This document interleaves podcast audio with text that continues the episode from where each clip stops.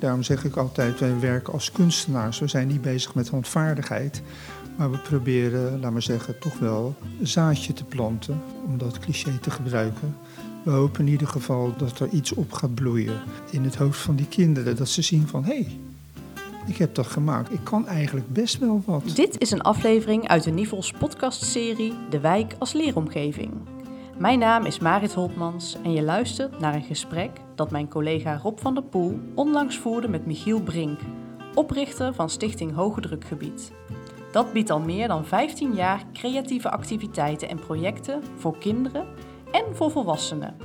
Ook in de Rotterdamse wijk Oud-Charloes. Niet toevallig de plek waar ook ons dokhuis staat en waar wij als Nivels sinds de zomer onze intrek hebben genomen. Wij zijn kunstenaars. Ons doel is om in deze wijk, waar het leven keihard is, in uh, Oud-Charloes, in Pendrecht, Zuidwijk, dat zijn geen makkelijke wijken. Dus we komen kinderen tegen op scholen. Ja, thuis kan niet veel. Soms dan heb ik ook al meegemaakt, hebben ze amper te eten. Dat lijkt heel raar, maar het is toch echt de, de waarheid. Dus dat kan niet veel. Laat staan dat ze een cursus gaan volgen en daar is flink voor betalen. Dat kan natuurlijk al helemaal niet. Stichting Hoge Drukgebied maakt kunst toegankelijk voor iedereen, ongeacht leeftijd of achtergrond. Zelf is Michiel al meer dan 40 jaar muzikant en op scholen in de wijk staat hij bekend als meester mozaïek. Creatieve expressie en kunst bevordert emancipatie, maar stimuleert ook participatie en brengt positieve veranderingen in de buurt. Hoge drukgebied staat in zijn missie niet alleen, weet Michiel. We doen ook veel met de kinderfaculteit in Pendrecht. Dat is ook een fantastische organisatie, vind ik. En die doelstellingen, dat overlapt elkaar allemaal. Hè. En uh, je moet nooit dan op je eigen kracht iets gaan opzetten, terwijl anderen ook met zoiets dergelijks bezig zijn. Je moet niet elkaar concurreren, je moet samenwerken, want ja. dan komt, komen de mooie dingen tevoorschijn. Ja. Dan moet je dat eigen belang even een klein beetje opzij zetten. Het komende half uur reizen we met Michiel Brink door Rotterdam. Langs de kunsten en de scholen en een beetje door de tijd. Veel luisterplezier. Uh, even kijken, even intunen. Hè? Want uh, ik, vroeg, ik vroeg net al nog naar je achternaam, Michiel. Want we hebben elkaar maar één keer gezien. Ja. Hier in, uh, tenminste, ik heb jou maar één keer gezien. Je bent hier wel vaker geweest, Michiel Brink. in het Dokhuis. En ik zei eigenlijk gelijk al na de eerste keer van... nee, het is leuk om, uh, om uh, ik wil jou wel eens even verder uh, leren kennen. Omdat datgene wat we deden met jou... waar jij met een aantal mensen van hoge drukgebied ons uitnodigde... om iets te maken voor, voor kinderen in een school. Nou zeg ik het in een heel korte zin. Maar kun jij mij vertellen, hoge drukgebied... de stichting, waar staat dat voor en wat doen jullie? Achter hoge drukgebied staat het zinnetje... een zonnige kijk op kunst en cultuur. Wij zijn kunstenaars en ons doel is om in deze wijk, waar het leven keihard is, in uh, Oud-Charloes, in Pendrecht, Zuidwijk, dat zijn geen makkelijke wijken, daar kan eigenlijk heel weinig. Dus we komen kinderen tegen op scholen, ja, thuis kan niet veel. Soms dan, heb ik ook al meegemaakt, hebben ze amper te eten. Ja. Dat lijkt heel raar, maar het is toch echt uh, de waarheid. Dus dat kan niet veel. Laat staan dat ze een cursus gaan volgen en daar is flink voor betalen. Dat kan natuurlijk al helemaal niet. Nee. Maar in hun leven is dus weinig mogelijk.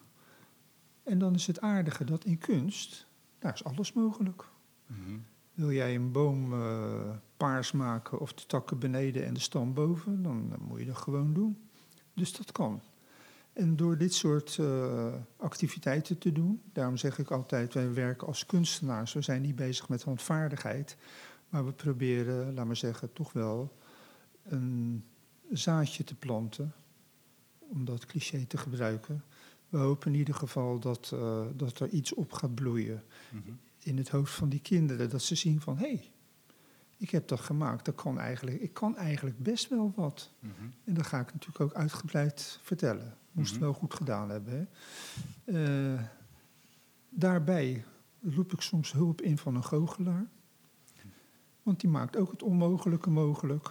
Mm -hmm. Nou, dit geldt niet alleen voor kinderen, maar dat geldt ook voor volwassenen. Ja. Het geldt ook voor de kwetsbare groepen.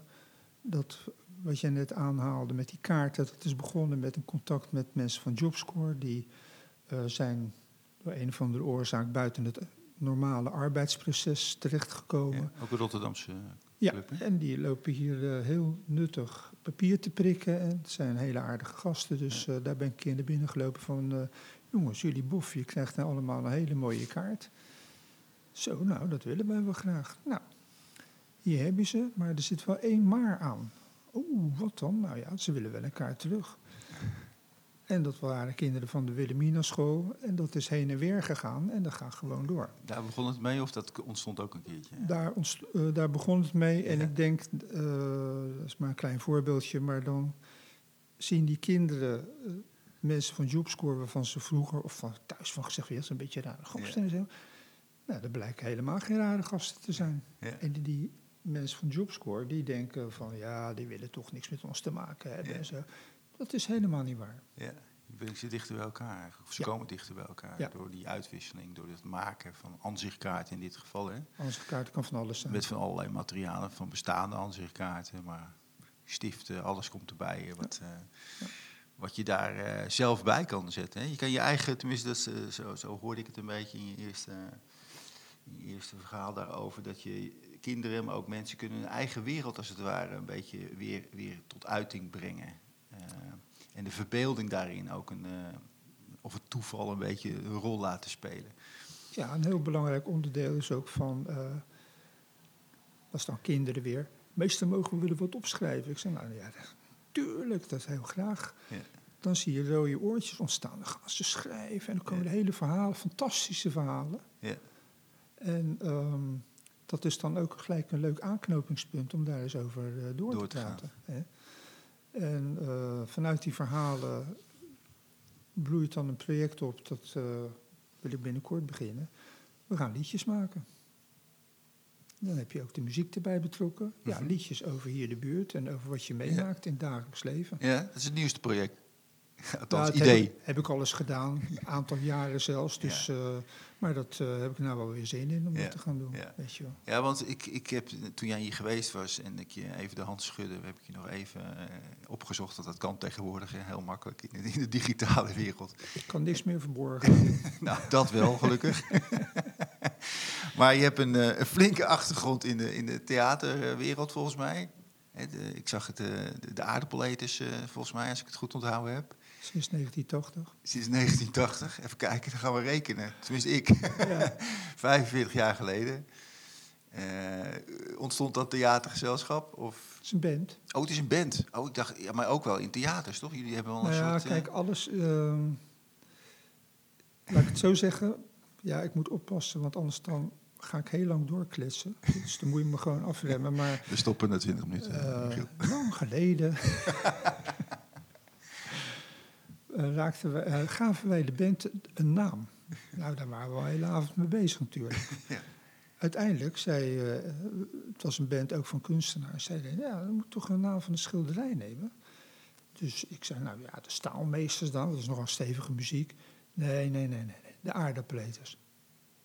De aardappeleters, dat was het, want nou, wij leken ook wel een beetje op die gasten. En ehm, we voelden ons ook wel verwant. Ja. Maar zo'n naam, die heb je niet straffeloos. Want onze muziek was toen heel serieus. Dat ging eh, over milieuproblematiek, eh, politieke toestanden Oh, ja. enzovoorts. Een geëngageerd eh, gezelschap. Ja. Maar ja, dat werd al heel gauw door, eh, doorkruist door berichten van eh, de grootste aardappel gevonden. Dat kreeg ik allemaal toegestuurd. Fotootjes, gekantelde vrachtwagen met 10 ton aardappels over de straat. Dus allemaal eh, dingen waarvan ik toen dacht van... jongen, jongen, ja, mede gedoe zeg, daar heb ik helemaal geen zin in. Maar eh, je ontkomt er niet aan. Je raakt besmet door het aardappelvirus. En ehm, ja, die gaat je ervoor geëngageerd- interesseren. Dus uiteindelijk ben ik allemaal liedjes gaan maken over aardappels. Ja, dat, dat, daar heeft het toe geleid. Dus 90% van de liedjes gaat over aardappels. Ja. En eh, nou ja, daar is ook een kostuum pas geleden gemaakt door iemand van het hoge drukgebied. Ja, zo is dat verder gegroeid. Aardappelkostuum. Een Aardappel, soort van aardappelpet van aardappelpet. aardappelzakken gemaakt. Ja. en de muziek eh, is, is Nederlandstalig, dus begrijp ik. Of, of worden er gewoon kreten zeg maar uitgeslagen? 60, 40 procent. 60, 40? 60 eh, Nederlands en 40 Ja. Engels. En er wordt nog steeds nieuw repertoire gemaakt. Ja, er staat nog veel te veel op de, op de plank wat we nog moeten uitwerken. Ja. Vrijdagavond in Café de Sport. Een aardappel ligt vergeten op een bord. Wortel, de salade, de snijboon, de rollade, vierde feest. Maar daarbij was jij niet welkom geweest. Eenzame aardappel In je plasje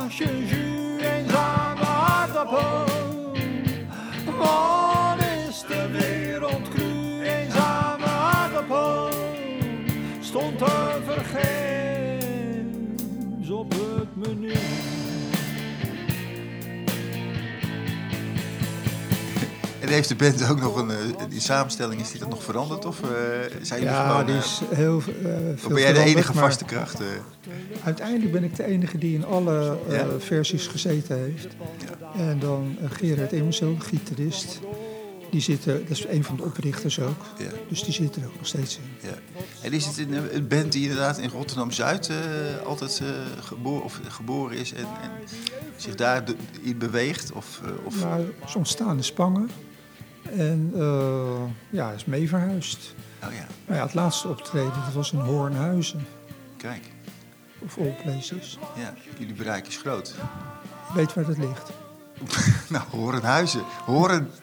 Dat ligt eh, naast de Lauwerszee, het noordelijkste puntje van Groningen. Dus Oké. het randje van Nederland. Ja. En dat was geweldig leuk. En er kwam gewoon een verzoek vanuit Horenhuizen om de aardappeleters. Bij, Podium te eh, krijgen. in het centrum Wongema. Nou, waar ben je toe gaan googelen geweest? Moet je maar eens kijken. Dat is een centrum, dat Ja? zal jullie ook wel aanspreken. Ja? Bijzonder leuk centrum. Ja. Wongema. Ja, en zelf ben je, want je zegt, eh, we zijn vanuit Spangen, eh, zijn, hebben we een reisje gemaakt, misschien wel door Rotterdam, maar je, je woont hier nu al een, een tijdje. Op, eh, 20 jaar. Op 20 jaar. Op Charloes. En, heb, en dat ken je, ken, ja, als je op Spangen woont, zit je toch al wel weer aan de andere kant natuurlijk. Ja. En dan kom je hier niet. Of, tenminste, Ja, dat is mij hier- het verhaal wat ik heel veel hoor hier in Rotterdam. Ik ben mij, toen ik in Rotterdam ging wonen, ik kom uit Scheveningen. Ja. Toen ben ik geland in de Afrikaanderwijk. Oh ja. Nou, daar had ik het echt wel naar mijn zin. Na dan Bloemhof. Ja. Toen naar Rotterdam-West. Oh ja. Dus toen kwam ik ook in Spangen uiteindelijk terecht. Daar hadden we dan een eh, winkeltje. En eh, dat is de basis van het hoge drukgebied, hè, dat winkeltje. En eh Een winkeltje in. tweedehands boeken en platen. Ja. En dat heeft ook de visie op kunst eh, gevormd. Tweedehands. Nou kijk, we hadden eh, een groepje, dat had je wel vaker in de 70 jaren, want ik heb het nu over 1974. En ehm, nou ja, we wilden samen eh, projecten gaan doen, enzovoorts, enzovoorts. En er hoorde ook een eigen ruimte bij. Nu is het wel zo dat als er dan zoiets gezegd wordt, ben ik iemand van Jan Pak de Leuning op zijn Rotterdams. Dan stap ik gelijk op de fiets. Dus eh, twee dagen later had ik een ruimte. En dus, maar ja, toen vielen toch een heleboel mensen af. Toen ik de huurprijs noemde, ja, maar ja, dat geld dat hadden ze niet. Nou ja, we konden het delen, weet je wel. Dus toen bleven we met z'n twee- met z'n drieën over. Ik zei, nou ja, jongens, weet je wat we doen? We zetten halverwege een schot. Aan de voorkant doen we tweedehands eh, boeken en zo. Ja, geen antiquariaat, maar romannetjes, stripverhalen enzovoorts. En dan eh, achter atelier. Nou, dat was een hele goede formule, maar het mes sneed aan twee kanten. Want eh, daardoor kregen wij de hele buurt binnen daar in Spangen. En die waren natuurlijk wel nieuwsgierig. Die zeiden, wat zijn de heren daar achteraan doen? Nou, ik zei, ja, nou, ja, kom maar kijken. Maar dan zie je je vooroordeel weer, want je denkt, ja, daar vinden ze toch niks. Nou, wij kwamen net van de academie, dus we waren nog in de abstracte periode, zou ik maar zeggen, avant-gardistisch. En eh, ik dacht van, daar vinden ze niks, maar dat was helemaal niet waar. Dus toen ontdekte ik dat als je er eh, op een begrijpelijke manier over praat, dat de dood gewoon belangstelling is. Ja. En dat vond ik een hele fijne ontdekking. Toen wist ik gelijk, dit is mijn publiek. Ja. En eh, we gingen ook projecten doen met de buurt. Want eh, ja, die kinderen die liepen zich te vervelen. Die kwamen bij ons in de winkel, die kenden we allemaal. Jongens, we gaan buitenspelletjes doen en straat tekenen, kom op. Nou ja, daarna zeiden die ouders van... Nou, hierachter eh, is nog een speeltuin, maar ja, die ziet er niet uit. Nou, dat is een schilderproject. En zo is dat gegroeid. En nou, we hebben ook een grafische achtergrond, dus er kwamen persen. Dus wij waren een keer aan het drukken op een ouderwetse degelpers. hè, Oud boek, boekdruk, ik weet niet of je dat wat zegt, met Ja, van die ja. losse letters. Ja, ja. Dus wij stonden daar met die degelpers. Er komt er een klant binnen. En wat zijn de heren aan het doen? Ja, we zijn aan het drukken. En eh, gaat het goed? Nou ja, we zijn het aan het uitproberen. Mag ik eens even kijken? En eh, daar geen plak, klap van, hè? Het was een leraar van de grafische school. Die heeft ons alle foefjes geleerd van het drukken. Ik was heel streng. Iedere week kwam die kijken van, ah, dit eh, moet anders, jongens. En uiteindelijk hebben we het geleerd. Ja. Dus toen gingen we boekjes maken in eigen beheer. En eh, daar kregen we zekere bekendheid mee. Nou ja, dat moest natuurlijk handzetwerk, dus dat waren- was meestal poëzie. Daardoor kwamen we in contact met Poetry International. En dat uit- eindigde in de dichtregels op de vuilniswagens die hier in Rotterdam hebben rondlopen. En we hebben het nu over de jaren tachtig, zo'n beetje? Ja. Toen was eh, de koek op, want toen ja, dan krijg je gewoon een periode. Als je dat tien jaar gedaan hebt, dan wil iedereen weer eens wat anders. Ja. En we gingen verhuizen. En dat is nooit een goed teken, want dan, ja, dan ben je je eigen stekkie kwijt. Mhm.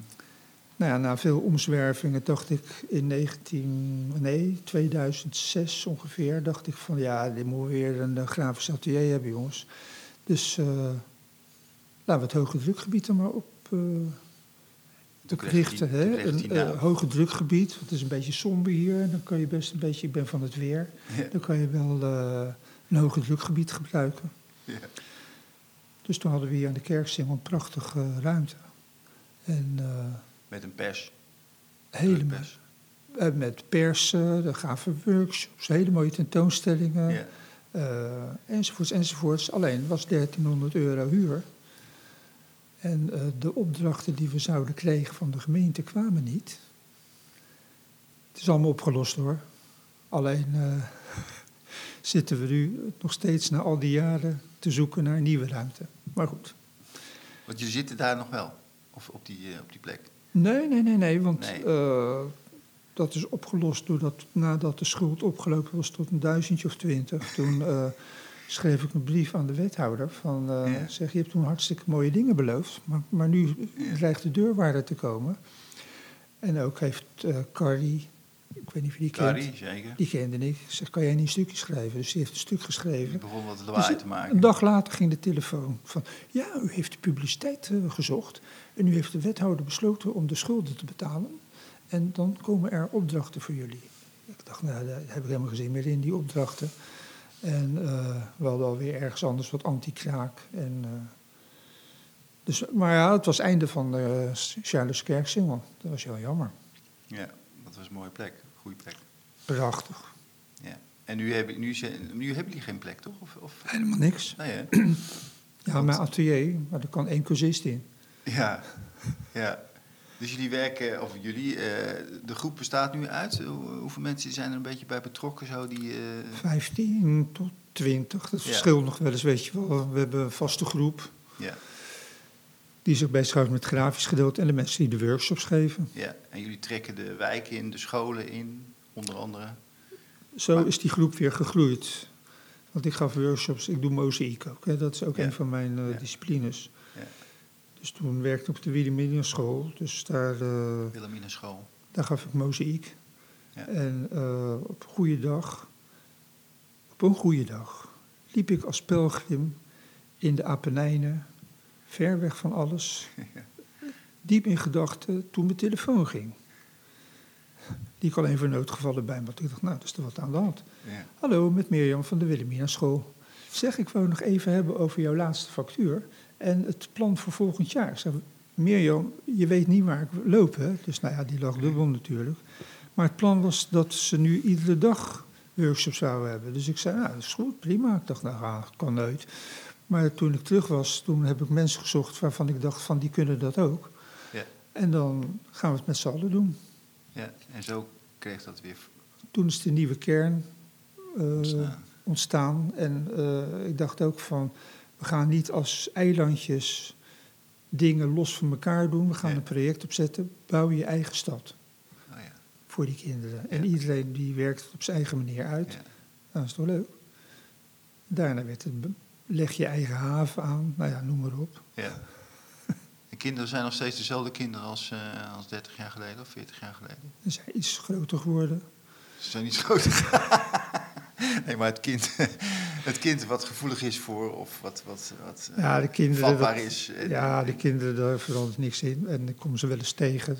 Komt een hele grote vent op me af van... Hé, hey, meester, kent u me nog? nou, moet ik even nadenken. Ja, van het mozaïeken. Oh, ja, ja, dan weet ik het weer. Is echt, wordt, her- jou wordt herkend als- de mozaïeker. Meester Mozaïek. Meeste mozaïek. Oké. En inmiddels zijn in de, in de, in de wijk eh, meer scholen waar je... Je loopt bijna in elke school, eh, die kent jou of, of kent het hoge drukgebied of maakt daar soms Menig, van. menig school, maar Ja. ook buiten, buiten Charloes, hoor. Ja. We doen ook veel met de kinderfaculteit Oh ja. in Pendrecht. Dat is ook een fantastische, eh, fantastische organisatie, vind ik. Ja. En ja, die doelstellingen, dat overlapt elkaar allemaal. Hè. En eh, je moet nooit dan op je eigen kracht iets gaan opzetten, terwijl anderen ook met zoiets dergelijks bezig zijn. Je moet niet elkaar eh, gaan con- concurreren, je moet samenwerken, want Ja. dan komt, komen de mooie dingen tevoorschijn. Ja. En dan moet je dat eigen belang even een klein beetje opzij zetten. Dat, daar zeg je al volgens mij iets heel belangrijks. Misschien ook wel, eh, heb je dat ontdekt of door, door, door je eigen ervaringen en alle initiatieven die je hebt genomen? Natuurlijk, ik heb ook wel eens gedacht van zo, dat heb ik bedacht. En oh, dat doen zij nu, ja, hé. Hey. Maar dan moet je blij zijn. Ja. Want dan is het blijkbaar een leuk idee geweest of Ja. zo, weet je wel. En misschien doen die anderen het eigenlijk wel veel beter dan dat jij Ja. eh, het gedaan hebt. Dat kan ook nog eens gebeuren. Ja, Daar moet je helemaal niet gek van opkijken, daar moet je van leren. ja, En zo kun je van iedereen wat leren. ja. Nou, dat is, je- je raakt volgens mij de kern, of dus, eh, wat mij betreft, waarom ik, eh, waarom ik zelf die, die, eh, die ontdekkingen wil doen en wil leren van de wijk eigenlijk. Hè? Eh, wat er allemaal al is en wat er gebeurt. En waar jij daar en allerlei andere mensen ook al. Er gebeurt eigenlijk al zoveel, zeker in, eh, met betrekking tot eh, nou ja, het samen optrekken, het, eh, het samen een, een stad maken, Ja, samen een wijk maken. En eh, eh, ja, dus de- dat is mijn motivatie om bijvoorbeeld jou nou eh, hier te, te, te horen en ook Mhm. buiten deze podcast om eh, verder te leren kennen. Ehm, ja, nog, eh, nog iets van, eh, want jij, eh, jij bent hier nu, eh, nou ja, met hoge drukgebied ben je wat vaker hè, met, eh, Ja. met, met, met wat overlegjes, maar ook misschien wel met, eh, gaat er wel wat meer gebeuren in relatie tot eh, allerlei andere creatieve sessies. dat gaat vanzelf wel groeien. Nou, en daar, dit, wat jij, wat in jouw verhaal, ik weet niet of je het zelf ook door hebt, maar daar zit steeds iets van dat je het als het ware door te doen, om, om, ja, worden de paden gelegd als het ware. Het wordt niet bedacht van, nou, hier, eh, hier gaat het heen en dit moet er gebeuren. Maar je stapt eigenlijk in iets wat heel dichtbij is, of wat er misschien al is.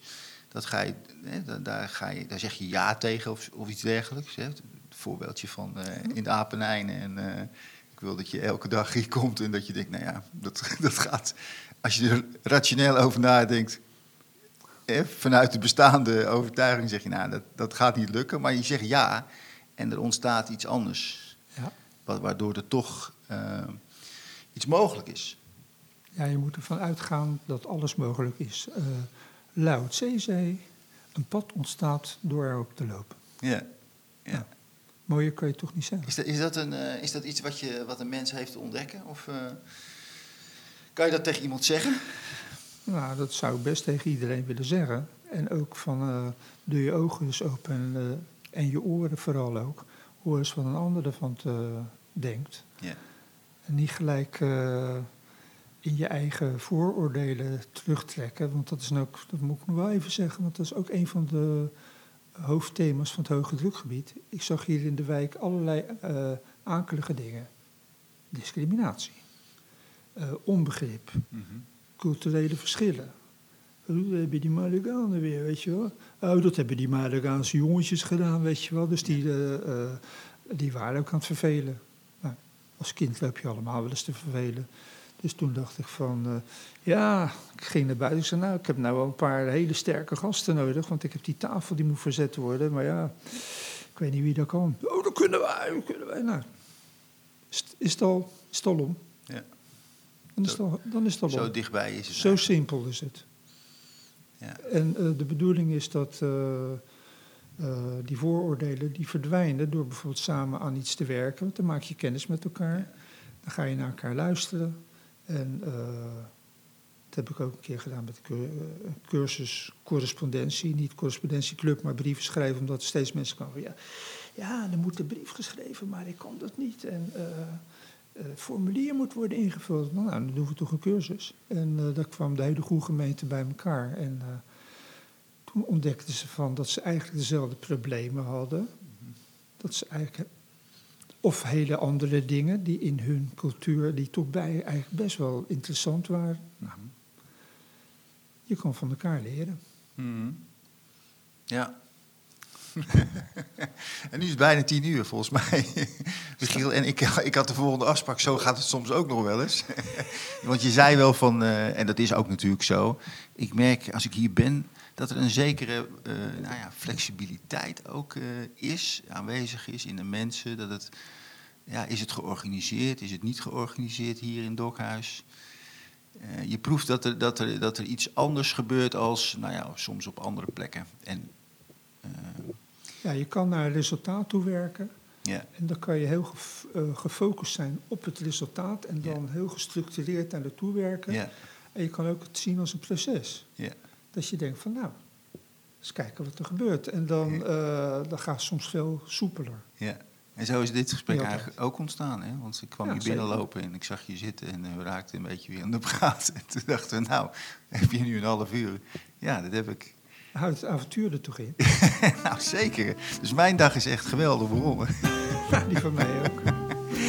En eh, we, gaan, we blijven elkaar zien. Dankjewel. Oké, graag gedaan. Dit was weer een Nivels podcast. Eén uit de serie De Wijk als leeromgeving. Meer afleveringen vind je terug op ons eigen Spotify kanaal en op Apple Podcasts, maar ook op de Nivels website. Alle activiteiten en de meest actuele programmering van het Rotterdamse Dokhuis lees je op www.dokhuis.org. Stichting Nivels sterkt leraren en schoolleiders bij de uitvoering van hun pedagogische opdracht. Alles over ons werk vind je terug op z.nl.